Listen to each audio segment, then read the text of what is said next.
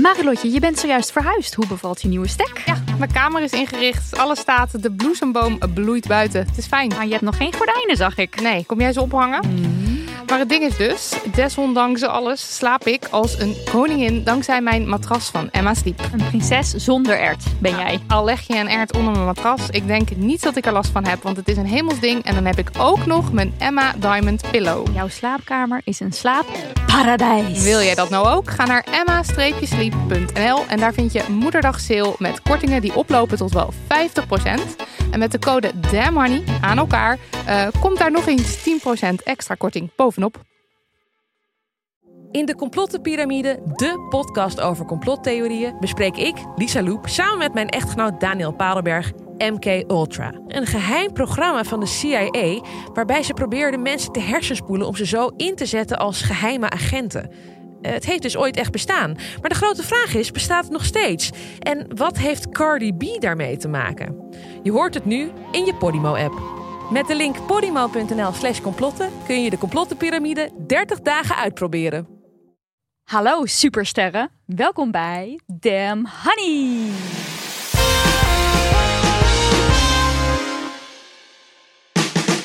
De podcast over shit waar je als vrouw van deze tijd mee moet dealen. Mijn naam is Nidia En ik ben Marilotte. en dit is aflevering 171. En wij hebben aan tafel een gast die we al tijden terug eh, benaderden om bij ons aan te schuiven. Maar het kwam er maar niet van, want ja, het leven. Het leven. Eh, des te blijer zijn we nu alsnog eh, dat hier bij ons aan tafel zit, yes, yes, yes, columnist voor Trouw, Twitter legend, of beter gezegd algemene legend, Emine Oer.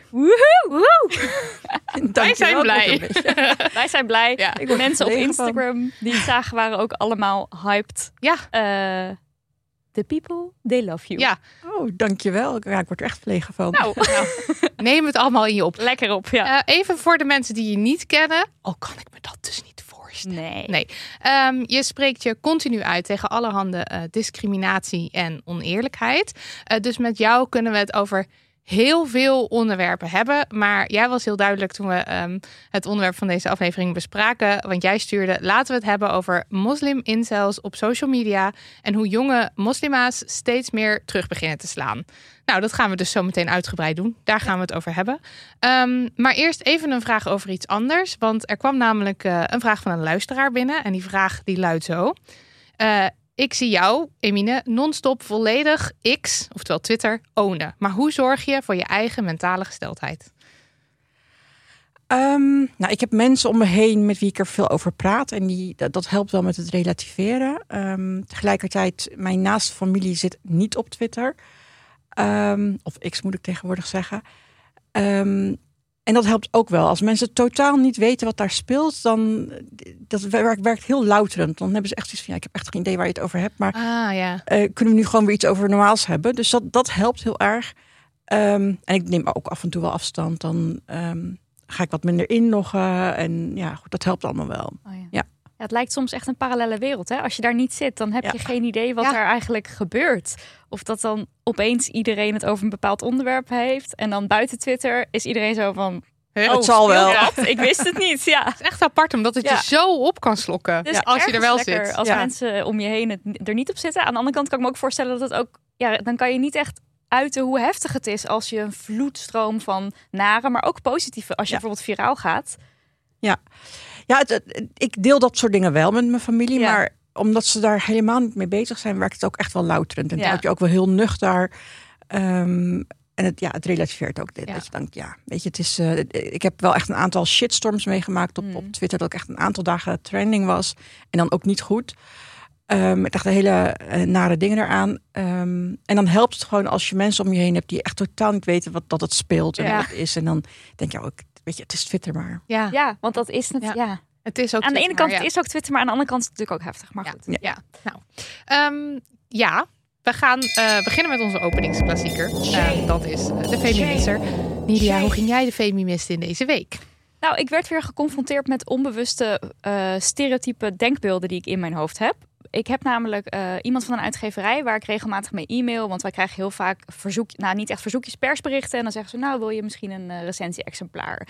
En dan mailen we een beetje zo heen en weer. En ik googelde deze persoon en ik dacht, huh, dat is een vrouw.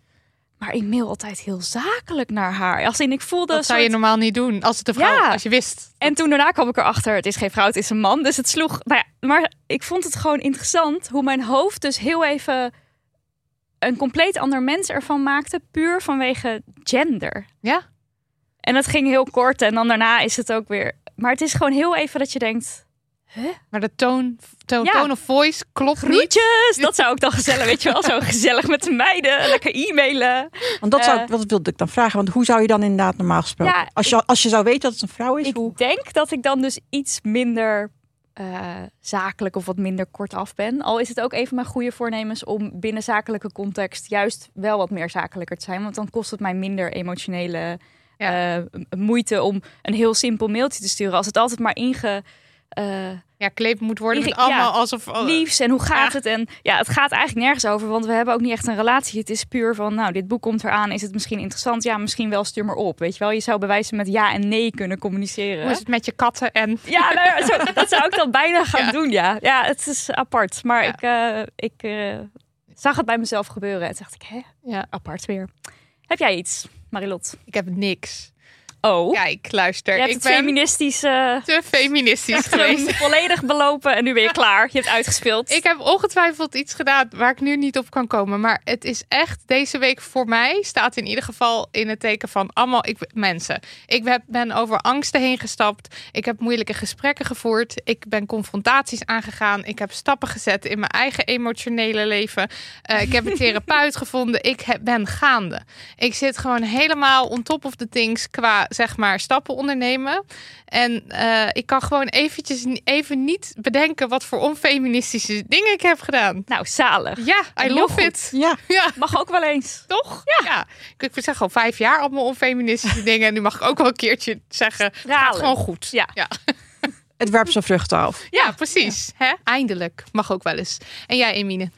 Ja, ik, ehm, ik heb een zoon van 14. Ik ben alleenstaande moeder. En ehm, we hadden het over eh, vriendinnetjes en, en, eh, en ook een beetje over uiterlijk. Want hij wilde zijn, zijn, zijn haar laten knippen. En we hadden zo'n gesprek. En ik merkte dat ik... ehm, achteraf ging ik er met mijn zus over praten. En ik zei tegen haar... ehm, hij is best wel zachtmoedig. En ik zei, ik- ben bang dat hij dan straks te veel in een soort friendzone komt te zi- zitten. En dat vrouwen hem Ja, ja, ja. Te veel steeds als die goede vriend gaan zien. En achteraf dacht ik, maar dat is wel heel erg dat ik dit denk. Want ten eerste de- zegt het dus iets over hoe ik over vrouwen denk. Dat ik denk dat ze eigenlijk alleen maar op alfamannen vallen. Ja. En tegelijkertijd ook, terwijl ik hem helemaal niet als een alfaman opvoed... dat ik hem dan toch wel weer op de een of andere manier daarin wil duwen, onbewust. En ik dacht, oh, dat is wel heel erg. En dat was iets waar ik me op betrapte, inderdaad. Ja. Wat jij net ook zei, dat je dacht, oh, hey, Ja. wacht eens even. wacht even. Dat was dit, dit is niet de bedoeling. Ja. Ehm, maar gelukkig heb ik ook wel, weet je, mijn zoon is heel, ehm, heel erg bewust van zichzelf. En hij weet heel precies goed hoe hij wil worden en wat hij niet wil zijn. Dus hij, weet je, kan ook heel goed terugduwen wat dat betreft. En ook die spiegel wel voorhouden. Maar dat was even dat ik dacht, oh, Ja. ik Ja. wist niet dat dat nog ergens diep van binnen eh, in mijn onderbewustzijn nog speelde. Ja. Ja. Nou, zo kan een kindje toch wel Ja. eventjes weer eh, flink op eh, de feiten drukken. Zo. Ja. Ja, sowieso met een kind denk ik toch? Dat het een soort spiegel is Ja, voor je ja. eigen gedrag. Alles en- de hele tijd teruggekaatst wordt. Omdat je denkt, oh Ja. nee, ja, dit ben ik. Ja. Oeps. ja, absoluut. Het is echt een goede spiegel. Ja. Tijd voor Tijd voor post. post. Ja. Hallo. Hallo. Ik vroeg me het volgende af na het lezen van een nieuwsbericht. Er wordt heel vaak nadrukkelijk vermeld dat er vrouwen en kinderen onder de slachtoffers zijn. Maar waarom wordt dit zo benadrukt?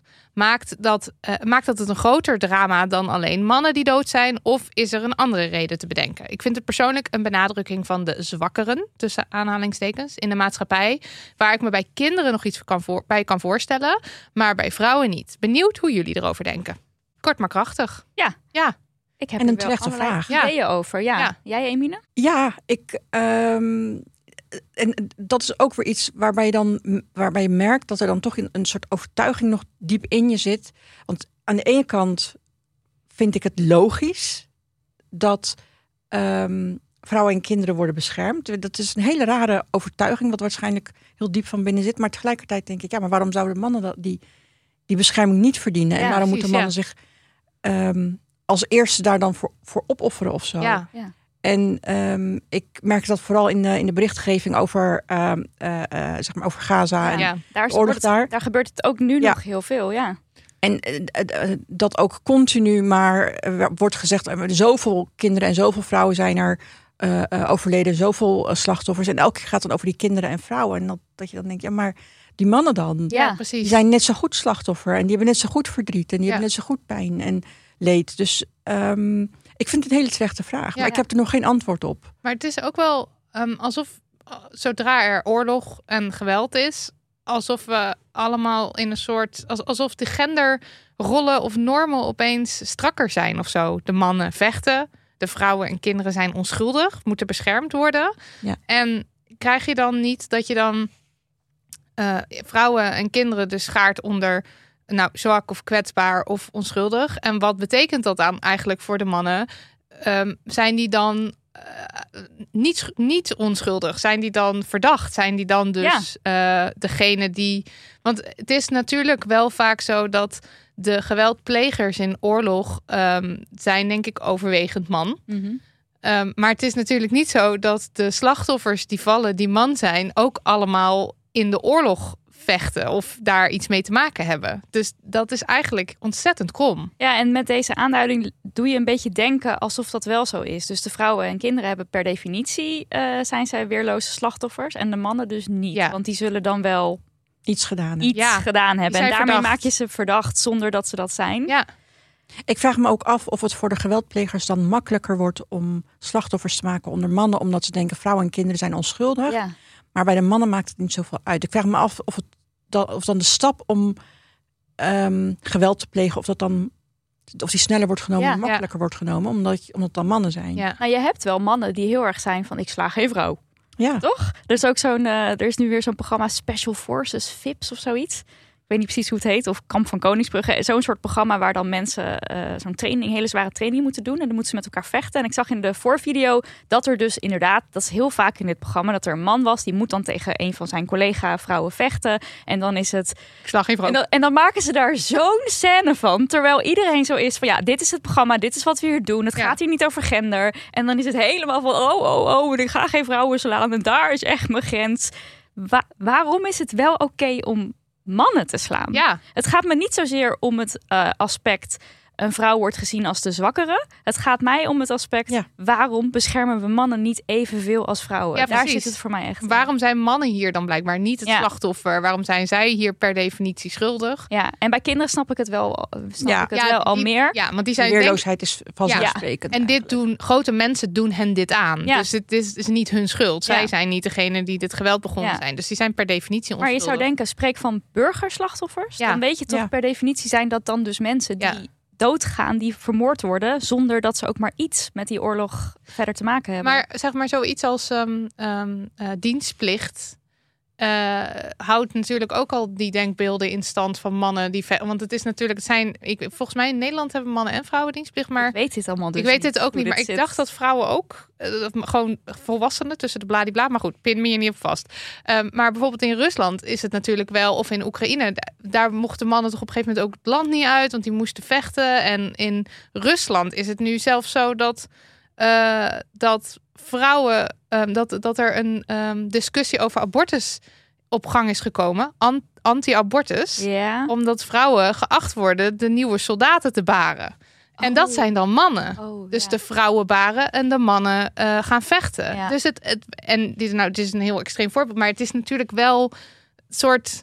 eh, dit houdt al die denkbeelden altijd maar in stand. Maar tegelijkertijd heb je nu ook wel ehm, New York Times, als ik het goed zeg, die dan met een zogenaamde feministische inslag gaat zeggen van wow, kijk al deze bad, badass vrouwen die in het Israëlische leger aan het vechten zijn. En dat laten ze dan zien alsof het een, Als goed ding is. ja, alsof het een feministisch ehm, feministische streven win. is dat vrouwen nu eh, missies eh, leiden of mensen vermoorden.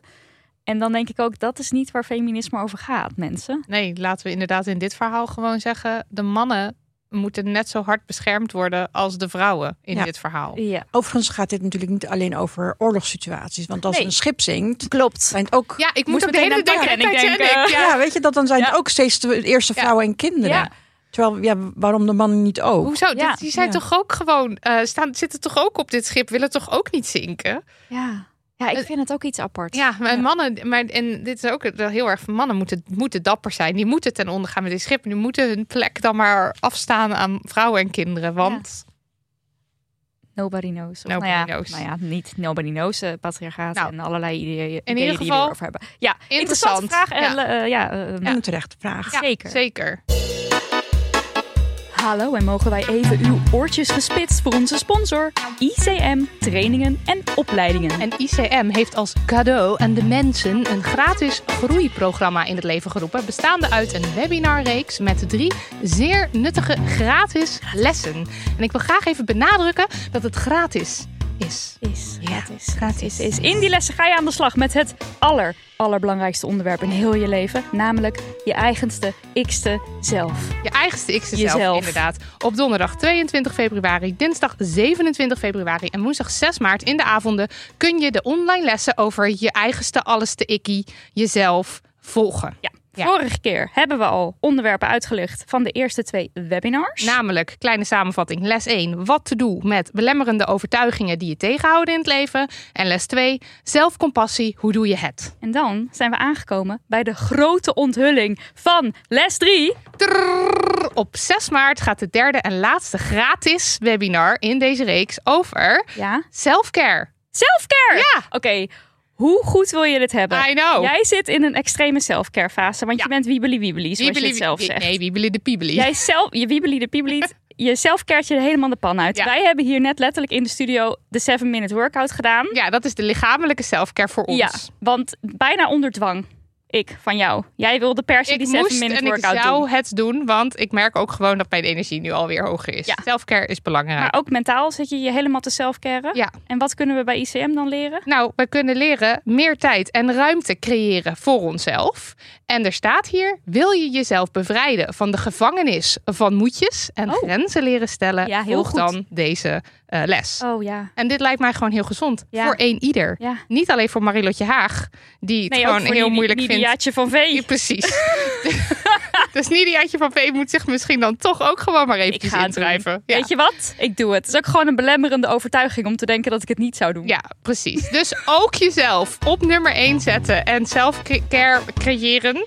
Eh, ga naar icm.nl slash groeiprogramma en meld je daar dus gratis aan. En ja, mensen, jullie weten hem. Even met z'n allen tegelijk. ICM, je kunt meer dan je denkt.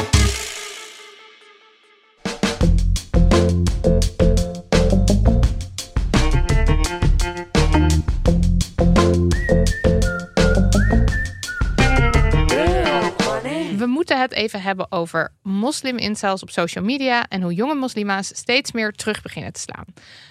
Van waar, Emine, dat jij meteen dacht, daar wil ik het over hebben? Ehm, omdat ik, ik zit dan eh, de, sinds, ik denk, corona, sinds de pandemie zit ik op TikTok. Heel passief hoor. Ik, ik eh, post zelf niks, maar ik eh, volg dan heel veel. En ik begon langzamerhand een soort trend te herkennen of te zien. En dat zal vast met het algoritme te maken hebben.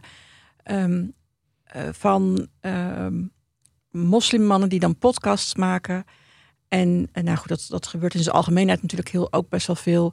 En dan heel conservatief praten over eh, wat de rollen van vrouwen zijn. Het gaat altijd maar over vrouwen. En vrouwen moeten dit en vrouwen moeten dat. En wat betekent het dan voor mannen? En wat ik begon te zien en waar, waar ik heel blij van word, is dat ik dus steeds meer zie dat jonge moslima's beginnen terug te slaan, ook wel terug te duwen. En het allermooiste daaraan vind ik dat ze dat doen op een manier waardoor ze trouw blijven aan zichzelf. Ehm, in het verleden zag je best wel vaak dat als eh moslima's gingen eman- emanciperen, dat, dat ze dan vaak moesten kiezen tussen hun geloof of hun emancipatie. Ja. En nu zie je dus dat die moslima's zeggen: nee, ik, ik ga helemaal geen afstand doen van mijn geloof. Maar mijn, het is niet mijn geloof eh, die mij onderdrukt. Het zijn de mannen die dat doen. ja. En wat ze doen eigenlijk is dat ze met de Koran in hun hand hun emancipatie opzoeken en die mannen eigenlijk een beetje om de oren gaan slaan. En Ja. dat, ik vind dat een prachtig, eh, prachtige ontwikkeling. En ik hoop ook dat dat steeds zichtbaarder wordt. En ehm, dat mensen zich daar ook steeds bewuster van worden. ja. Ja, ik zit dus nu dus in het algoritme van zeg maar al die sessie meiden die dan eh, die podcast dudes ehm, ja, voor gek. Nou, niet voor gek, maar wel echt, echt Ze maken ze wel belachelijk. Ja, ze maken ze belachelijk. Nou, en ik geniet er enorm van.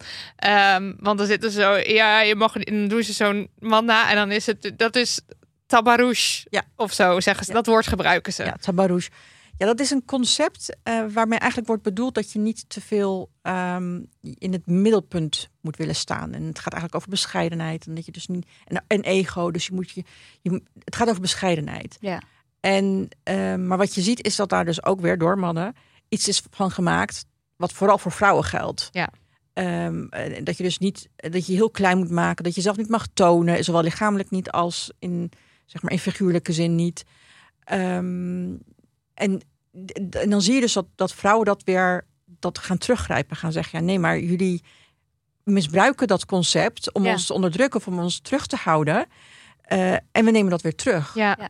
En dat bedoelde ik dus ook net met dat vrouwen of die jonge meiden met de Koran in hun hand hun emancipatie gaan zoeken. Zonder dat ze per se daarvoor hun geloof hoeven op te geven. Ja. En zeggen, nee, we, claimen dat terug. Jullie hebben er iets anders van gemaakt. Ze maken er ook wat gendered van, terwijl het dus helemaal Ja. niet een gendered concept Nee, is. absoluut niet. In de Koran staat nergens vrouwen moeten, Nee. mogen dat niet. Of vrouwen Nee. moeten bescheiden, bescheiden zijn. Nee, want het is, Uitleg van Het tekst. is, het, het is genderloos. Het is Ja, een concept wat helemaal ge- gewoon voor, voor iedereen geldt. Ja.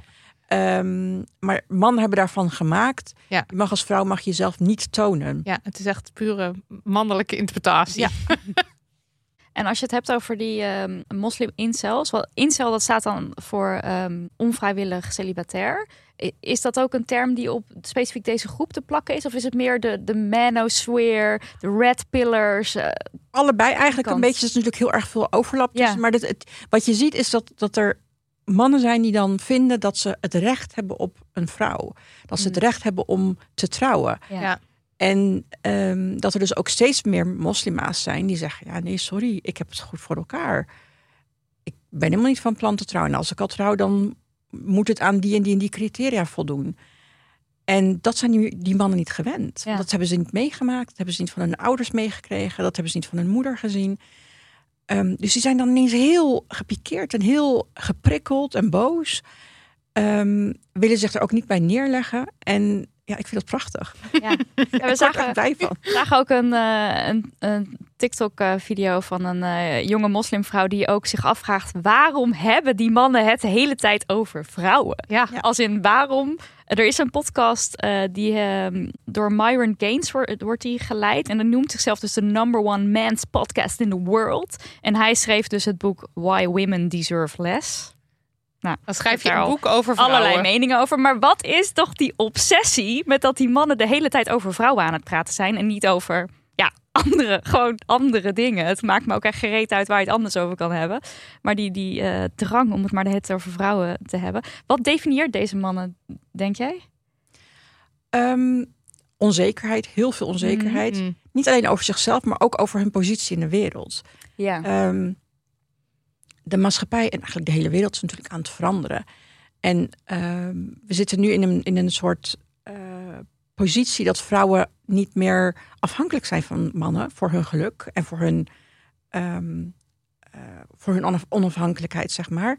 Economische onafhankelijkheid. En dat, ehm, dat ze keuzes kunnen maken. En mannen hebben die ontwikkeling niet meegemaakt. Vrouwen wel. En je ziet dus dat mannen dus niet goed weten hoe ze daarmee om moeten gaan. ja. En ineens is het, ja, maar wat betekent dit voor mij? Ja. Want nu, nu moet ik, want voorheen was het voldoende als je als man zijnde gewoon voor je gezin zorgde en werkte. En, ja, Ja. en dan was het prima. En Dat als je ook dan- een hele duidelijke rol natuurlijk. Ja, ja je prettig doet om dat een duidelijke rol te Ja. hebben. En ehm, vooral zeg maar, eh, want ik ben wat ouder dan jullie. Jullie generatie heeft die ontwikkeling natuurlijk helemaal doorgezet. Mijn generatie is nog de generatie van we moeten het allemaal kunnen. Moeten en de goede huisvrouw zijn en de goede moeder zijn en de, Ja, alle de de. Ja. Ja, alles. En ehm, jullie generatie en wat jongere generatie, die heeft al heel, heel veel beter in de vingers van ja, maar ik hoef dat ook allemaal niet helemaal te kunnen. En ehm, ehm, mannen moeten ook hun eh, bijdrage leveren. Mijn generatie heeft dat wat minder. Die heeft veel meer hooi op zijn vork genomen of op haar vork genomen ehm, dan jullie generatie dat heeft gedaan. En wat je nu ziet is dat mannen die ontwikkeling niet hebben meegemaakt, die zijn een beetje stil blijven staan. Die hebben moeders gehad die het allemaal wel deden. Mhm. Die gingen en werken en voor het huis zorgen en voor de vader zorgen en de kinderen zorgen. En die mannen, die jongens denken nu, oké, maar shit, wat, wat nu? Wat Ja. betekent dit voor mij? Ja, want opeens moet je ook zelf iets. Je moet iets op soort- tafel brengen. een Waar is de emancipatie van de man Ja. geweest in de afgelopen tijd? Dat is natuurlijk de grote vraag. En aan welke uitspraken of, of standpunten eh, moet, ik, moet ik dan denken als je het hebt over deze mannen die dan in een podcast dingen gaan verkondigen?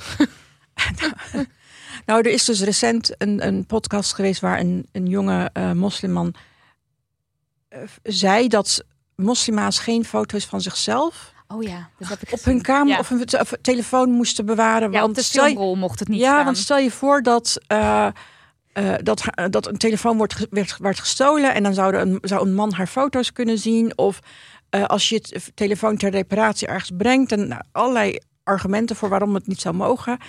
En wat wel heel mooi was, dat er ineens allerlei moslima's gingen daar echt helemaal los op. En, en, en allerlei.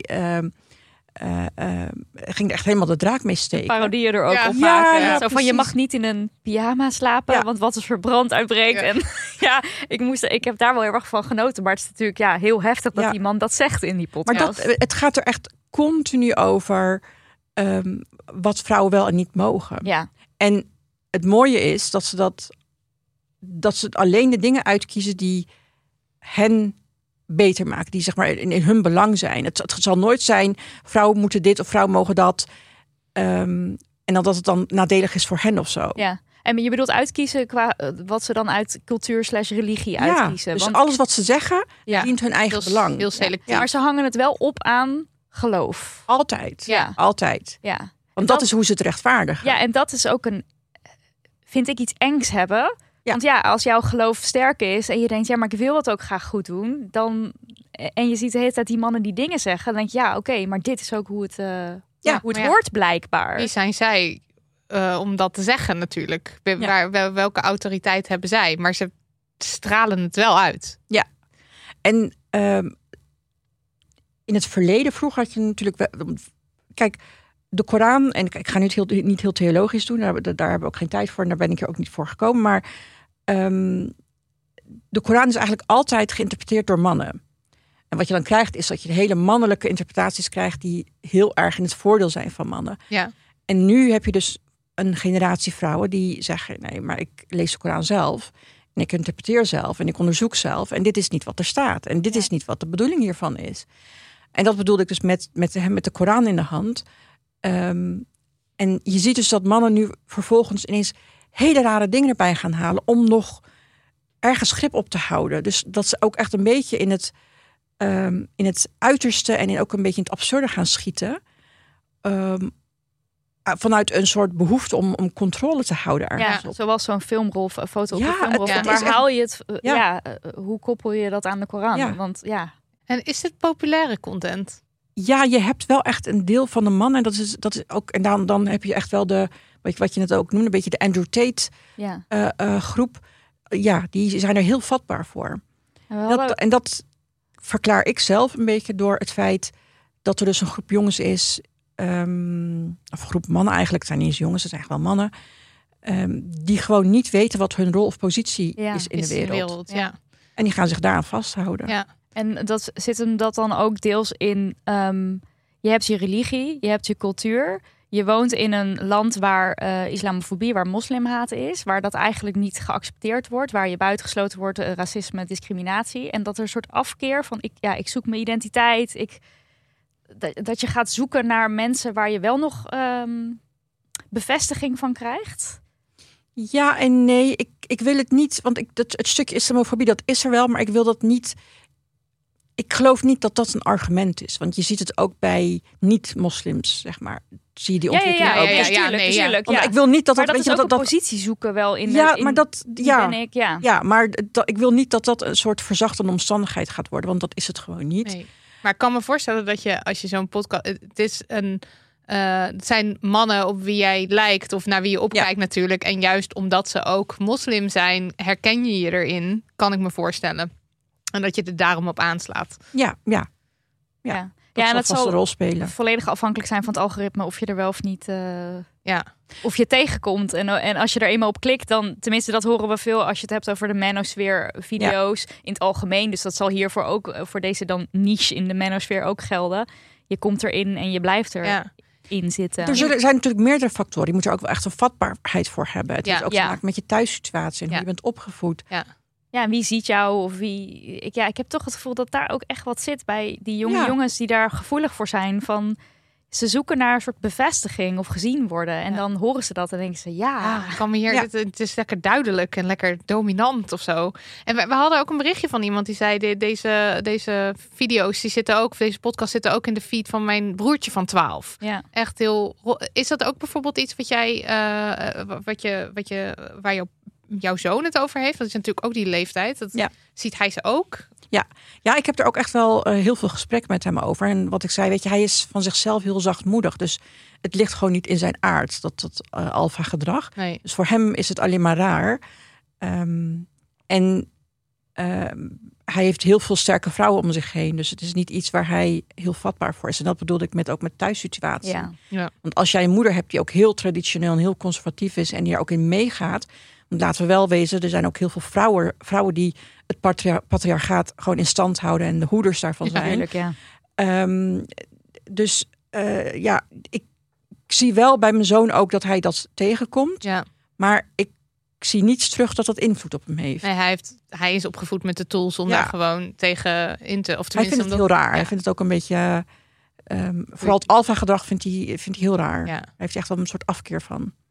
En wa- wa- wat je net zei over, ehm, sorry, ik zit nog na te denken over die koppeling van specifiek moslim-incel. Want we hebben ook een keer een aflevering over incels in het algemeen gemaakt. Maar wat is het dan? Ja, ik probeer er een soort van vat op te krijgen van wat is het dan dat ze per se dat geloof daaraan. Nou, aan zij hangen gebruiken of- geloof ja. als rechtvaardiging Ja. natuurlijk. Ja, Kijk, Ja. Want ik, laten we, ik bedoel, incels heb je niet alleen bij moslims. Nee, precies. Het is Maar, natuurlijk veel breder. Ehm, bij moslims heb je dus dat ze eh, geloof als rechtvaardiging gaan ja, en dit heb je Ja. natuurlijk ook wel bij eh, Ja, ook- zeer streng christelijke. Ik heb wel eens. Amerikaanse Ja. eh, content voorbij zien komen. Ook van trouwens ook veel van vrouwen. Ik moet ook nu heel erg denken aan die, doen. die evangelical churches, die grote, Ja. waar, die, Ja. waar, waarvan die mannelijke priests dan groot staan te praten over wat vrouwen wel en niet mogen en wat je wel en niet eh, kan doen. Dus dat is natuurlijk in essentie hetzelfde. Dat het Ja. met, met het geloof wordt gerechtvaardigd, Ja. wat je anderen oplegt Ja. Ja. in jouw voordeel. En wat, het, wat dat gevaarlijk maakt, is dat ehm, geloof is natuurlijk heel sterk. En als je als vrouw zijnde niet heel erg bewust bent van wat wel en niet klopt. En ehm, eh, heel erg ehm, vatbaar bent voor wat mannen zeggen. En ook zo bent opgevoed, dan neem je dat ook over. Ja. En dat maakt het gevaarlijker dan wanneer het over niet-gelovigen gaat. Ja. Ja. Want ja. ja, religie is gewoon een hele, eh, het is een heel, hele sterke invloed. Ja. En als je dat als rechtvaardiging gebruikt, ja, dan. Ja, het is zo. Het is natuurlijk super belangrijk voor je identiteit. Het is wie je bent en waar je mee groot bent geworden. En dan laat je dat natuurlijk niet zomaar los. Ja, dat maakt wel sens. Dat, dat het eigenlijk. Het is gewoon een, he- het is een hele handige tool om mensen mee naar binnen te Het is ook trekken. gewoon weer een verdienmodel eigenlijk als je het verder. Als je het zo hoort. het werkt, ja. het werkt goed. Dus, Ja. dus dan op deze Mensen manier. zijn daar gewoon heel gevoelig voor. Laten we het ook even hebben over verschil tussen cultuur en religie. Want hier, die, die islam wordt dus dan hier heel erg gebruikt. ehm, omdat het om het onderdrukken van vrouwen te rechtvaardigen. Andrew Tate is ook bekeerd tot de islam en heeft hele nare dingen gezegd. Terwijl vaak als je het hebt over bekeren tot een geloof, zijn het vaak mooie en een soort liefdevolle verhalen van. Oh, ik heb dit en dit meegemaakt. Dit heeft me dit en dit gebracht. En nu sluit ik me heel graag aan bij dit geloof. Bij hem is het een heel, ja, eigenlijk een misogyn verhaal. Ja. Ehm, kunnen we het hebben over het verschil tussen cultuur en religie? En je hebt het net al kort gezegd, van het is ook hoe je teksten bekijkt of uitlegt. Ja, uiteraard. Ehm, nou, ik kan twee onderwerpen noemen die eerwraak en ehm eh, vrouwbesnijden zijn allebei Mhm. culturele Ja. eh, gebruiken. En culturele concepten. Dat komt gewoon echt niet voor in de islam. Maar het wordt wel door moslims onder andere uitgevoerd. Ja. Ehm, en dat is ook weer zoiets waarbij zelfs daarin, terwijl het niet eens, het, het wordt niet eens in de Koran genoemd, het is echt, het, het komt daar niet eens in voor. Maar zelfs daarin zie je dat de islam wel als rechtvaardiging wordt gebruikt. Ja. En het ehm, in stand wordt gehouden door te zeggen, nee, maar het, het is wel islamitisch en, en- en het, eh, het, het komt wel voort uit de islam. En dan dat maakt dat mensen daar dan sneller in meegaan. Hm. Want, want van cultuur kun je veel sneller losmaken dan wanneer het om religie gaat. Ja, als, ja. Je, als je gelooft, Ja. en, ehm, kun je daar veel eh, moeilijker los van maken dan wanneer het om cult- cultuur gaat. Ja. Ehm, en dat onderscheid is soms heel moeilijk te maken. En is iemand als, als Andrew Tate grijpt eigenlijk niet per se de religie, maar de cultuur aan om, Ja. om zich naartoe te bekeren. Ja, En niet, en niet het geloof. Ja, Ja. en om zijn miso- misogynie te verder te spuien. Ja, want daar, En daar daar- kan je lekker de vrouwtjes onderdrukken. Maar daar zit ook dus iets heel engs aan. Je hebt eh, in Nederland sowieso heb je ook veel mensen die denken islam is per definitie onderdrukkend. Ja. Want een vrouw eh, moet een hijab dragen. Nou, daar kan je sowieso ook zo meteen denk ik al wat over uitleggen van dat moeten mhm, vraagtekens. Ehm, maar dit soort content en zo'n Andrew Tate die zich daarbij aansluit, die vergroot eigenlijk ook dat stereotype Ja. beeld eh, over het geloof. ja, ja absoluut. Ehm, kijk, ik, ik kan niet over zijn intenties spreken en, en eh, over waarom, weet je, waarom hij moslim is geworden. Maar ik, toen ik het las, dacht ik, oh nee, jij? Het schaadt Ja. echt. Ja, Ja, ja. ik dacht, oh jij? Ja. Echt? Ehm, ik, ik, en, maar goed, weet je, het is dus... Kijk, hij is natuurlijk niet de enige. Je hebt ook, ook moslim Andrew Tates. Die heb je gewoon. En ehm, het, is, het, het is de taak nu van, van de vrouwen om het narratief en ehm, ook de context te gaan veranderen. En je ziet ook echt wel een omslag. ja. En juist daarom zijn die mannen zo heel erg nog meer proberen te onderdrukken en nog meer proberen te controleren ja. omdat ze die, die, die grip kwijt beginnen Ja, te raken. ja. Dus hoe meer de emancipatie ook weer gaat. Ja. hoe meer ook weer er is altijd reactie tegen reactie. Ja. Maar laten we het even over die Ja, tegenreacties hebben. Laten we want daar daarover zijn we hebben. voor. We hebben nu Ja. een beeld geschetst van hè, de mannen. Eh, altijd weer de mannen. Ehm, wat voor tegenreacties eh, komen er op, eh, op deze content? Zeg, maar, wat, wat zie je langskomen? Zoal. Nou ja, waar, waar we het net ook over hadden, vooral parodieën, zeg maar. Maar ook hele boze vrouwen, hele boze jonge vrouwen die, ehm, die dus dat ook wel echt wel durven nu. En dat is wel een beetje het verschil met voorheen. En ik denk dat social media daar wel een grote rol in heeft gespeeld. Ik denk zo'n 20, 30 jaar geleden eh, stond je als jonge vrouw best wel alleen daarin. Dan had je je kleine gemeenschap en je kleine misschien... eh, misschien zat gewoon alleen binnen je familie. Was je dan de enige die er op een bepaalde manier over dacht en die probeerde terug te duwen. En nu zie je dat jonge vrouwen elkaar beginnen te vinden daarin en te herkennen. En dan zien dat ze niet alleen zijn. En over de hele wereld el- elkaar beginnen te steunen. Eh, en dat, daardoor krijgen we ook een soort kruisbestuiving, zeg maar. Dat ze elkaar gaan beïnvloeden en aanmoedigen en bemoedigen. Ehm, en ja, die jongens worden voor- vooral belachelijk gemaakt. En Ja. dat vind ik het mooie. Ik ga daar ook heel lekker op. Ja, ja ik, ik kan er echt van genieten. Ja. Ja.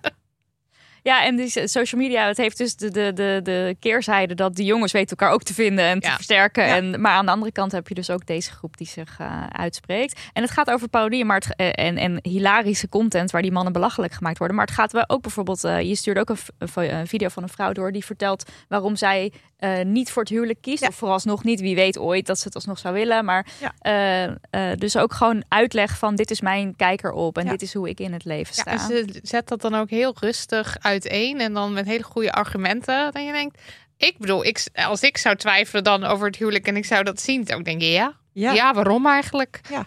En dat is gewoon best wel tof. En dat is dus het, wel het, het mooie en ook wel de kracht van social media, dat dat dus kan. Ja, Ja. Dat Vroeger zouden die vrouwen alleen binnen hun eigen kring. Ja, dan ben je zo'n eilandje. Overal zijn dan Ja, eilandjes dan heb je van misschien nog een verre tante of iemand die ook wel Ja. waarvan je, waarbij je een beetje wel aan kan optrekken. Ja. Maar Ja. het is toch anders. Of je Ja. zou misschien heel bekend moeten worden en een boek moeten schrijven. En Ja. dan zou, het, zou je boodschap kunnen uitdragen. Maar nu kun je dat gewoon met, met je telefoon in je hand. Ja.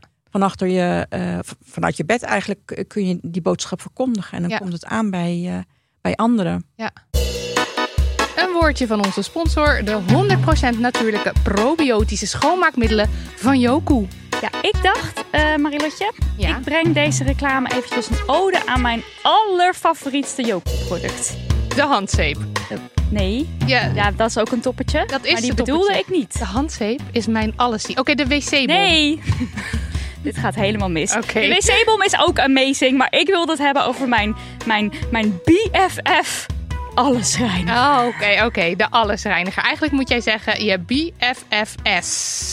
Meervoud, want met die allesreiniger spray je een miljard poetshulpjes in de ronde. Ja, ik weet het. En ik hou van al mijn poetshulpjes evenveel. Al waren het mijn bloedeigen kinderen. Ach, Je hebt het vorige keer al uitgelegd. Eh, Yoku werkt zo. Je koopt één keer een fles. En die kan je dan eindeloos hervullen met een Yoku parel. Waarin alle werkzame bacteriën zitten. En doodgewoon kraanwater. Dat voeg je toe. En in Huizen van Voorthuizen rachen wij... nou, wij rachen me echt een partijtje alles rein. Dat is niet normaal. ik ben hier heel vaak getuige van. Maar je reinigt er dan ook alles, alles mee. alles ja. mee. Dus de vieze pootafdrukjes van Toby op de bank. Allesreiniger. Daniel stampasta resten op de spiegel. Allesreiniger. Marilotte die haar theezakje niet direct in de prullenbak mikt, maar eerst op het aanrecht dumpt. Allesreiniger. Ja, Een klopt. passief, passief-agressieve co-host. Allesreiniger. Nou ja, het zou dus kunnen, hè? Want niet alleen harde oppervlakte, maar ook zachte oppervlakte kan je het gewoon zo hop, hop, hop, spray, spray, spray. Dus je zou het een keer kunnen proberen. Het is ook veilig, denk ik, 100% natuurlijk. Nou, ik ga dit doen. Je kan het recht in mijn mond spuiten als je me zat bent. Het kan allemaal. Ik wilde ook nog eventjes een lifehack van je welste met jou delen. Nou, Geleerd op. van de Yoko's. Kom maar op. Je kan het in je schoenen sprayen tegen geurtjes. Dat is geniaal. Ja, want Ja. mijn hardloopschoenen, dat is de, onze gang. Je komt binnen, klap in je gezicht. Het is wel echt zo. Ja. Voor mij zit de knaller er dus in dat de Yoku-bacteriën dus blijven poetsen Ja. nadat je zelf gepoetst hebt. Ja. En dat de oppervlakten daardoor tot wel zeven dagen stofvrij blijven. I know, dat is een knaller. Net als De korting. de korting waar we mee in de ronde mogen sprayen. Ga nu naar yoku.nl, want dat schrijf je met Y-O-K-U-U. En gebruik de code DAMNHONEY aan elkaar voor 20% korting op je eerste bestelling. Alles reiniger. En is het dan, omdat we nu zo specifiek over moslimvrouwen hebben, want dat, het voelt voor mij ook ergens raar om het zo specifiek over moslimvrouwen te hebben, maar toch is dat een onderwerp waar je, waarvan je denkt, nee, daar moeten we het ook echt over hebben. Maar is het dan nog, nog harder gaande dan bij, bij niet-gelovige vrouwen? Of, of waarom specifiek deze groep uitlichten? Ehm, ja, omdat die natuurlijk iets meer in te halen hebben, wat dat betreft. en dat is dan welke- toch een stuk cultuur ook weer. Ja. Ja, ja. Dus die, die, eh, eh, zeg maar, ehm, qua emancipatie is er natuurlijk iets in te halen. En daarnaast ehm, heb ik dit ook uitgekozen juist omdat er zo weinig aandacht is voor die emancipatie die nu gaande is. Het beeld is altijd een beetje van die zielige moslimvrouwtjes. Ja. ja. Ja, ja. nou. Die worden zo onderdrukt en ze zijn allemaal zo zielig. En eh, nee, ja, die zijn er ook. Maar je hebt, er is ook echt heel veel gaande. En ik wil ook graag dat dat, ehm, ja, dat, dat er aandacht voor komt en dat dat zichtbaar wordt. Ja, dat die beweging meer Ja. in het zicht is. Ja. En we hebben vooral video's van, of we hebben alleen video's in eh Engelstalen, Engelstalige video's van jou doorgestuurd gekregen. Zijn er ook Nederlandse vrouwen die deze, dit soort content maken, zover je weet? Ehm, die kom ik niet heel veel tegen. Ehm, maar dat, dat heeft Kan ook, ook vast, algoritme. ja, ik- Ja. het vast met mij te maken, omdat ik niet heel veel Nederlandstalige eh, filmpjes bekijk. Dus dat zal vast daarmee te maken hebben. Maar Nou, die zijn er ook ongetwijfeld. In de zin ben jij natuurlijk ook een voorbeeld daarvan. Nou, ik ben wat ouder, weet je. Ik, en dat, ik, En eh, je bent niet een TikTok-meid, maar nee, je bent ik- natuurlijk de Twitter-meid. Ja. Ja, maar ik, eh, ja, ja, maar ehm, mijn ontwikkeling ligt natuurlijk ook weer anders. Ik ben, weet je, ehm, eh, voor een deel zijn er parallellen eh, met het terug proberen te duwen. Ik heb dat binnen mijn eigen omgeving gedaan. En ehm, kijk, als een moslima, eh, op het moment dat je gaat emanciperen, moet je ook je ouders en je familie daarin mee zien te nemen. Ehm, Waarom moet dat? omdat je anders voor een soort tweespalt komt. Of je moet breken met je familie, of je moet zeg maar echt op een bepaalde manier afstand nemen, of je moet ze proberen mee te nemen in jouw Ja. eigen ontwikkeling. Mhm. En ehm, nou goed, ik, ik heb dat laatste wel echt gekozen. Ehm, moet ik wel erbij zeggen dat ik, ik had twee oudere broers die er ook echt wel heel erg in hebben geholpen en in hebben gefaciliteerd. Ehm, dus ik, ja, er zijn parallellen, maar ik, ik ben wat ouder. Dus dat ik, ik, het is net anders bij mij geweest, zeg maar. Ik, in, in mijn tijd had je natuurlijk ook, ook geen social media. Dus dat, het was inderdaad wel echt eilandjes. En je was heel Ja. erg in je eigen beperkte kring. Was je dingen aan het bespreken en aan het aankaarten. Ja, Ja. dus al die eilandjes waren een soort van het wiel allemaal aan het uitvinden. Het Ja, was natuurlijk een- ook gewoon... Nu kunnen ze, zien Ja, ze elkaar samen. allemaal dingen doen en Ja. dat inspireert. En dan heb je het gevoel van we zijn dit samen aan het doen. En dat Ja. geeft natuurlijk power. Ook, ook, dan krijg je ook veel meer een soort olievlek eh, ja, Ja. precies. daarin. Ja. En ouders meenemen, op welke manier eh, doen deze meiden dat? Of doe je, als je, dat zelf, als je wil vertellen hoe je Ja. dat zelf hebt gedaan? Ehm, nou kijk, het is voor de meeste eh moslima's is, is eh, en het, dan hebben we het over moslima's die ook in het westen wonen vooral, zijn voor die ouders zijn heel veel dingen heel onbekend en heel nieuw. En dat maakt ook dat het heel beangstigend is. En ehm, ik ben er zelf ook gaandeweg achter gekomen en ben me gaan realiseren dat heel veel dingen waarvan mijn ouders zeiden het mag niet, dat het niet voortkwam uit eh, dat ze mij dingen niet gunden of dat ze me dingen wilden ver- verbieden, maar dat ze heel bang waren voor dat wat ze niet kenden. Ja. Mm. En En ook dat er echt iets mis zou gaan. ja, Ja, maar de, gevaar op de loer. weet je, mijn ouders waren nooit zelf op schoolkamp geweest of op werkweek. En voor hen was dat zo onbekend en zo eng. De, de gedachte dat hun dochter naar een ander land zou gaan met mensen Ja. die ze zelf niet kenden. Ver van huis. Ja. Ja. En nou goed, ook nog eens in een tijd dat je ook geen eh, eh, mobiele telefoons had. Dus dat echt ja, anders. dat was echt voor hen was dat echt heel eng. Ehm, en ik ben me gaan realiseren dat, dat ik kon ervoor kiezen om daar heel hard tegenin te gaan en dan de confrontatie op te zoeken met het risico dat ik dan met mijn familie zou moeten breken, of door steeds meer een- elke keer een beetje door te duwen en dan weer een stapje terug en dan weer iets Ja. meer doorduwen en dan weer een stapje terug. Even de tijd geven dat, dat, we- weet je, dat we er allemaal een beetje over konden nadenken. En dat Dat we- even zakken. ja, inderdaad. En op die manier hebben we elkaar een beetje vast weten weet te blijven, blijven houden. En ook onze eigen weg erin gevonden, zeg maar.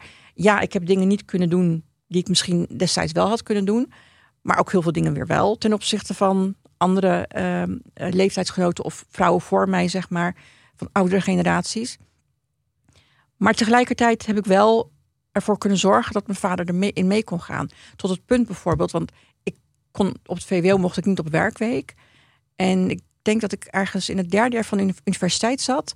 Dat we het met mijn vader over. eh, we hadden het over Istanbul. En, en ik zei, ja, ik zou eigenlijk Istanbul wel heel graag een keer willen zien. En dat hij me eens aankeek en zei: Waarom ga je niet een keer met je vriendinnen?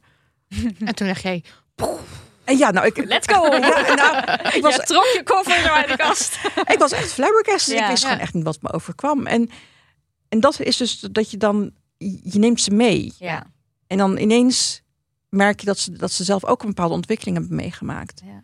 Ehm, Maar het is natuurlijk ook wel ergens een soort offer, omdat je de hele tijd, Ja. ja. je bent de hele tijd zo aan het schipperen tussen eh, hoe, ver ga, hoe ver duw je door en waarin geef je weer eventjes Ja. gas terug en, en even weer op hun tempo. En dan, ik bedoel, je merkt de verandering, maar het gaat natuurlijk langzaam. En ik kan me voorstellen, zeker als je jong bent, dat je echt denkt, gas. Het is wel, eh, het is wel vechten. Ja, Ik heb ook laatst een podcast geluisterd over reformato- eh, conservatief reformatorische school. Waar de meiden ook, weet je wel, ze zijn gewoon bezig met, met ontwikkeling. Maar tegelijkertijd, het lijkt mij ook heel lastig eraan dat je aan de ene kant wil je bepaalde dingen, je wil je ontwikkelen. Maar aan de andere kant heb je ook een bepaalde loyaliteit naar religie, cultuur, je ouders, je familie. Gewoon hoe het gaat, hoe het hoort. Je hebt ook bepaalde denkbeelden natuurlijk meegekregen. Die, die zitten er ook in. En dat lijkt me ook een, ja, een lastige positie om in te zitten. Nou ja, ik, voor, ik had zelf heel erg duidelijk voor mezelf wat mijn dealbreakers waren. Dus wat, wat is het me waard om daar echt voor te willen breken met aan. familie. En Ja. om, ehm, om mijn vader, om, om zo ver door te duwen dat hij er even echt last van zou hebben. Dus ik had voor mezelf echt heel duidelijk. En, nou, en die dingen waren sowieso nooit een discussie bij ons. Dat was nou bijvoorbeeld, ik zou nooit gaan trouwen met iemand die ik, waar ik niet verliefd op was. nee, precies. Bijvoorbeeld. En studeren was voor mij echt een, een, een, een must. Maar dat waren sowieso geen issues bij Nee, ons precies. thuis. Dat Dus was al geregeld. Ja, Dat was al ja. goed. Ja. Ja. dus ik had daar, ik, dat was niet iets waar ik voor hoefde te vechten. Ehm, en tegelijkertijd merkte ik ook ehm, dat ik, weet je, het, het, was, sommige dingen waren het me gewoon niet waard. En eh, zoals ik net ook zei, ja, ik heb dat niet mee kunnen maken. Ik, heb, ik ben niet uitgegaan bijvoorbeeld. Ik kon wel gewoon naar lezingen elke, elke avond, dat was geen probleem, maar ik kon niet uit. Mhm. Eh, dat heb ik niet meegemaakt. Maar het voelde voor mij op een gegeven moment ook niet meer als een gemis. Want ik heb daar weer iets anders tegenover kunnen blijven vasthouden, zeg maar. En Ja. niet, ik wil niet zeggen gekregen, want ik had het al. Maar ik, ik heb iets kunnen behouden wat, wat mij gewoon heel erg dierbaar was. Ja. Ehm, en ik wil eh, nog wel even wat nuanceren, want ik zei net aan het begin, eh de moslima's moeten. Maar ik wil niet dat het overkomt alsof ik vind dat jonge vrouwen dit allemaal maar moeten doen. Nee, maar Eh, intern moeten. Nee, maar dus het, het is voor mij was het echt wel een keuze. En Ja. ik heb ook echt absoluut respect voor vrouwen die zeggen: Nou, nee, ik, ik ga die strijd niet aan. Of Nee. ik, ik breek gewoon met mijn familie en het is Ja. gewoon klaar. Dat is ook een keuze. Dus ik wil niet dat het net lijkt alsof ik vind dat alle vrouwen het maar op die manier moeten doen. Ja. Maar je ziet wel vaak dat ze die rol op zich nemen. Ja. Ja. Ja. En zie je dat ook bij jonge moslimmannen? Dat ze, dat ze dit soort ja, onderwerpen bespreken of het aankaarten? Nee. En Dat, dat, is jammer. Ja. Ja, ja maar, dat, en- maar dat is Ja. het echt. Ehm, en wat ik wel zie is dat ze het, als ze het doen, is het vaak wel een beetje in de context van dat ze bijvoorbeeld hun zusjes of hun zussen faciliteren of willen helpen. Dus dat ze, dat ze als een soort brug dienen tussen hun ouders. Ehm, eh, meer in die rol. Maar voor zichzelf hoeft dat vaak wat minder. Oh ja. Ja. Hm, Oké, ja.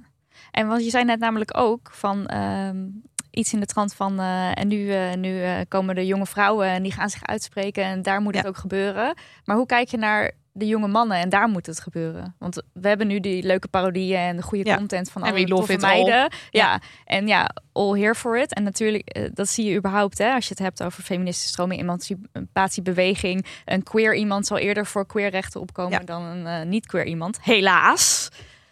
Maar ja, gebeurt daar iets? Die zijn er ook. Yay! Eh, ja, ja. Ik, ik, ik weet niet zo goed in te schatten wat de verhouding daarin is. Maar je ziet dus ook wel jongens, die moslimjongens, die gewoon inderdaad eh, de draak steken met, met die moslim incels en die Andrew Tates, die AliExpress Andrew Tates. Ehm, die zie je ook inderdaad, die dan zeggen, ja, sorry, maar ik wil helemaal niet van mijn vrouw dat ze dit of dat doet of dat ze zich zo gedraagt. Daar heb ik helemaal geen behoefte aan. Ehm, en wat je ook wel ziet, is dat die jongens, die gewoon heel geëmancipeerd en heel vrij met hun vrouw eh, omgaan. En wat dus, en ik wil niet dat nu het beeld ontstaan, want er wat ook wel eh, eh, eh, jongens met vrouwen met hoofddoeken. Dus hoofddoeken. Dus niet dat het beeld ontstaat dat het dan ehm, niet per se conservatieve jongens zijn. Ze zijn ook wel conservatief, maar wel hè, in hun geloof zijn ze conservatief. Maar dat die dus worden belachelijk gemaakt door die moslim-incels als... eh, oh ja, kijk, ja, jullie en is- dan ja, kijk, slappelingen of zo. ja, precies. Kijk jullie eens met je vrouwen eh, TikTok-filmpjes maken en eh, eh, eh, je, vrouwen, je, je vrouw aan, aan allerlei andere mannen tonen en nou, dat soort Oh, dingen. Ja, ja. Kom je weer aan die Dus kant. dan word je op die manier geshamed. Ja. En, en ver- vereist het, ja, ik neem aan van wel, maar vereist het ook moed om ja, als vrouw eh, om de- deze filmpjes, deze video's te maken? Eh, of wordt er dan een trollenleger op je afgestuurd ook als je. Eh, ja hoor. Die noemen wij dan, nou wij, eh, die worden dan de, de, de harampolitie genoemd. Oh ja. Ehm, want die zijn er gelijk. Die- Ja. ja. absoluut. Die hangen meteen in, Ja. je, in je mentions en je comments met eh, Ja. dit kan niet. ja, die, die, ja, dat blijf je houden, Ja. de harampolitie. Maar tegelijkertijd, want als jij iets post, dan is het niet zozeer vanuit de moslimcommunity waar Nee, jij de haat van, eh, vandaan Ja. krijgt. Ja. Niet, niet, die zijn er ook wel hoor. Ehm, d- die mij dan een soort nep-moslima noemen. Maar eh, qua verhouding, ik kan zeggen dat de haatreacties die ik krijg, 90% echt wel van, van niet-moslims komen. Ja. Ja. En ook de, de seksistische reacties komen echt vrijwel uitsluitend van niet-moslims. Oh ja, ja. Je, je schreef ook in een van je columns: je mag je als moslima, eh, je mag als moslima je emancipatie alleen gebruiken als je zegt wat zij willen horen, Je hoofddoek afdoen. draagt Dat wat, is wat zij willen zien en Ja. bent wie zij vinden dat je moet zijn. Als Ja. je zelf kon beslissen wat goed voor je is, had je immers die achterlijke islam wel verlaten. Oh, Ja. ja. Dat vond ik erg raak. Moet allemaal binnen de kaders. Ja, moet Ja. wel passen. Ja. Anders dan hebben we helemaal niks aan de emancipatie van moslima's. Hoe vaak ik wel niet te horen krijg van... eh, eh, eh, mag je wel van je man achter, eh, achter je computer zitten? Mag je van je man wel dit type? Ehm, en ik moet er altijd een beetje om glimlachen. Omdat ik denk, ja, weet je... Je zegt wel dat je heel erg voor vrouwenrechten wil opkomen... en dat je de islam vrouw onderdrukkend vindt. Maar kijk hoe jij reageert. Ja, wie is, Ja. hier nou, wie is hier nou in die patroon aan Ja, ik het bedoel, denken? jouw man is jou duidelijk niet aan het onderdrukken. Want jij Nee. zit, jij zit te- te typen achter je Ja. computer. Maar daar wordt, dan wel, daar wordt dan wel commentaar op gegeven. Ja, ja, ja. Ja. Maar ook door ehm, eh, witte feministen, bijvoorbeeld door niet-moslims. Dat ze dan tegen mij zeggen dat ze heel veel commentaar hebben op mijn hoofddoek. Ja. Ehm, en dan gelijk erachteraan zeggen: Ja, en eh, je draagt wel een hoofddoek, maar eh, waarom heb je dan een eyeliner? Oh ja. En waarom heb, je, waarom heb je mascara? Doe hem dan af. En dan denk ik: Ja, maar het is zo tegenstrijdig. Want Ja. enerzijds beweer je dat je voor mij opkomt. Dat je begaan bent met het lot van moslimvrouwen, maar tegelijkertijd bemoei je je met. Ze zijn helemaal niet begaan. Nee. nee. Het is dus ook helemaal geen betrokkenheid. Het is, het is gewoon echt een soort haat. Jij moet zijn zoals ik ben. Ja, En anders ben je niet, eh, Ja. niet eh, hoe zeg je dat? Evolved eh, Ja. binnen het feministische Ja. gedachtegoed. Wat zij aanhangen en eh, wij duidelijk niet. Eh, wacht, ik had net een vraag. Ja, eh, oké, Nederland, moslimaat, islamofobie is, is gewoon gaande. En dan gaan we het hebben hier over moslimmannen die allemaal nare dingen over onderdrukkende vrouwen zeggen. En dan denk ik, ah, dat schuurt voor mij ook. Terwijl ik vind het ook goed dat we het erover hebben. Ja, we moeten het erover Ja. hebben. ja. Kijk, we kunnen niet doen alsof het er niet Nee. is. En weet je, en het is wat het is. Ehm, en voor mij staat dit ook los van de islam. Dit Ja, gaat- dat is natuurlijk ook, ja. Weet je, dus het- het- het- Zij gebruiken het wel, Ja. maar dat is niet zo. Ja, En nou ja, ik denk ook dat, dat- ik bedoel dat is uit, deze, uit dit gesprek ook duidelijk geworden. Ik denk ook gewoon dat het belangrijk is om die boodschap zeker. eh, duidelijk te maken. Dat dat twee verschillende dingen zijn. Ja. Ja. ja. En wat ik vooral ook wel belangrijk vind om mee te geven, en ik hoop dat mensen zich in ieder geval daarover gaan nadenken, is dat, dat we moslima's ook ehm, hun manier van emanciperen gunnen. Ja, iedereen zijn eigen manier van emanciperen. Dat ja. is, ik, ik, En dat gaat voor een moslim, maar, maar ook voor de, voor die jonge meiden die ik in die podcast hoor, die Ja. reformatorisch zijn opgegroeid en zeggen: Ja, maar ik ga niet eh, recht studeren, want ik wil later eh, thuis moeder zijn. En dan kan je vervolgens, er is een docent in die podcast die zegt: van nou meiden, laten we het daar eens over hebben. Nou, dat is top. Maar in principe moet de keuze bij de vrouw zelf liggen. En dat vind ik dus wel belangrijk. Want je, wat je dus wel ziet, is dat er eh, heel erg wordt getrokken aan moslima's Ja. voor hun manier van emanciperen. En dat er wordt gezegd, ja, maar het moet op deze manier. Ja. Je moet je hoofddoek afdoen en je moet dit doen. En, maar laat ze hun eigen weg vinden en laat ze op hun eigen manier. Want je ziet dus ook echt wel dat ze die manier vinden en dat ze beginnen terug te slaan. Ja, En dan doen ze het ook heel goed en leuk en grappig. Ja, en, en, en gewoon stap voor stap Ja. met hun ouders mee. Want de, eh, de ouders van zeg maar de generatie, eh, zeg maar de, ge- de jongere generatie, Ja. die neemt hun ouders ook mee. Ja. Die zie je ook terug in die, in die video's. Zitten ze, zitten ze dan allemaal Ja. Te figureren. ja gewoon samen content Ja, maken. Want dan krijgt er weer zo'n meid krijgt dan van, eh, wat vindt je moeder daarvan? Ja. En dan trekt zij de moeder erbij van, nou leg maar uit, wat vind je ervan dat ik op mezelf woon? En dan gaat die moeder van, nou ik vind het alleen maar helemaal top, want ze is Hartstikke leuk. zelfstandig. En ja, nee, dat is heel belangrijk denk ik. Wat eh, heb je misschien advies voor iemand die dan stuurt van, ja, mijn broertje van 12 die heeft dit dus nu de hele tijd in zijn feed zitten? Ik zou gewoon continu erover praten. Hmm. Want je kunt niet voorkomen dat ze daarnaar kijken en dat ze het tegenkomen. Dat Ja. is bijna onvermijdelijk. Ja. Ehm, en laat ze er ook maar naar kijken, maar praat er dan over. Ja. Ehm, ik, ik, ik zit niet de hele tijd achter mijn eh, zoon aan, maar ik pols de hele tijd bij me om te kijken van oké, hoe ver zit hij met bepaalde dingen? Ehm, hoe denkt hij over be- bepaalde onderwerpen? Ik wil hem ook wel zijn eigen mening gunnen, dus ik wil ook niet beïnvloeden. Maar ik pols wel steeds Ja. Om dan toch een beetje in een bepaalde richting. eh, ehm, dat hij niet in ieder geval heel erg in, onder die ja, invloed in die fuik komt. Ja. En dan als je er eenmaal echt diep in Dus zit. eh, continu erover praten wel. Ja. En op welke manier begin je dan zo'n gesprek? Eh, zo, eh, schatje. Ja, ja, ja. lekker zitten. Schenk wat voor Ja, jezelf ik, in. ik zeg dan meestal van, oh kijk, kijk, ik stuur dan een filmpje van wij, want dat, hij is nu op een leeftijd dat we echt TikTok-filmpjes naar elkaar sturen via Ja. WhatsApp. En dan stuur ik, naar, stuur ik het naar hem en dan achteraf kom ik op terug en dan zeg ik, heb je daar naar gekeken? Wat vond je er nou van? Ja, ja, ja. En dan komt het gesprek op gang. Oh ja. En dan moet ik wel zeggen, mijn zoon is altijd al wat ik zei, heel, hij heeft een heel zachtmoedig karakter. Nooit ges, hij hield niet van stoeien. Ik heb hem volgens mij naar drie weerbaarheidstrainingen gestuurd. omdat hij gewoon maar niet wilde vechten. En ehm, uiteindelijk zei hij echt tegen mij, maar ik, ik, ik wil dit gewoon niet meer. Nee. Hij zei, weet je, die, die jongens die gewoon heel stoer doen op het plein. En, en hij noemde het geen alfa gedrag, maar omschreef het heel erg als macho gedrag. Hij zei, het is allemaal nep wat ze doen. Zo wil ik niet zijn. En toen dacht ik, oh, ja, weet je, ik probeer je toch in, in een bepaalde, in bepaalde hoek te duwen, in een bepaald soort profiel te duwen, waarvan ik denk dat je hoort, Ja, Omdat mannen- is goed voor je. ja, precies, omdat je toch op een bepaalde manier bang bent dat hij wordt uitgesloten als hij zich niet op die manier gedraagt. Maar hij had echt een heel duidelijk beeld van wie hij was en hoe hij wilde zijn. Dus wat dat betreft heb ik ook wel een beetje eh, vertrouwen in hem. Ja. En eh, nou, ik- tot op heden heeft hij me nog niet verbaasd daarin. Ja, het is natuurlijk met dit soort content, je thuissituatie, een veilige plek waar je gezien Ja. wordt, is heel belangrijk. En als je dat eigenlijk altijd al geboden hebt, Ja. dan is het niet opeens nood aan de man, omdat er een man in een podcast zegt, eh, puntje, puntje, puntje. Daar zit natuurlijk een heel opvoeding al aan vooraf, waardoor iemand niet zo snel erin glijdt. Ja. Wat ik zei, kijk, je moet er ook echt een bepaalde vatbaarheid voor hebben. Ik kan Ja. me niet voorstellen dat als je in een omgeving opgroeit met heel veel sterke vrouwen, dat je dan snel op de, die manier gaat, gaat denken. Ja. Ehm, dus ja, weet je, ouders, eh, moeders vooral, zussen, die spelen er echt wel een grote rol in. Ja. En als je kind al op een ehm, punt is gekomen dat hij daarin is gaan geloven, dan ben je eigenlijk al een beetje te laat. Dus Ja. je moet het Ja. vooral, je moet het voor zijn en al, ja, Ja. ja. en Blijven vragen, ja, blijven en op jonge leeftijd al beginnen met over zulke onderwerpen te praten. Ja. En hoe kijk je naar de toekomst? Ik ben hoopvol. Dat horen we altijd graag. Ja, nee, ik ben echt wel hoopvol. Ik, eh, ook omdat ik zie dat ehm, die, die beweging bij moslima's, ehm, dat die echt heel sterk in hun schoenen staan. Dat ze echt heel duidelijk weten wat ze willen en Ja. wat ze niet willen. En, eh, en dat vind ik dus echt heel knap. Eh, omdat ze het, om dat op je hele jonge leeftijd al te kunnen, zeg maar.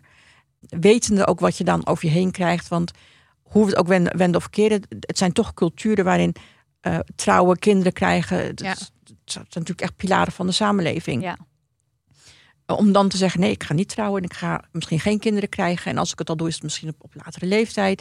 Ik heb er geen behoefte aan. Dat, dat vergt echt wel moed. En, ja, je eh, neemt nogal een risico. Ja, Ja. moet, maar ook dus. ehm, eh, we, we hebben dus net een podcast opgenomen genomen met Marloes de Vries. Die heeft het boek geschreven Kinderen krijgen is optioneel. Ja. En zeg maar dat zinnetje. Je moet ook een soort de helderheid van geest hebben van.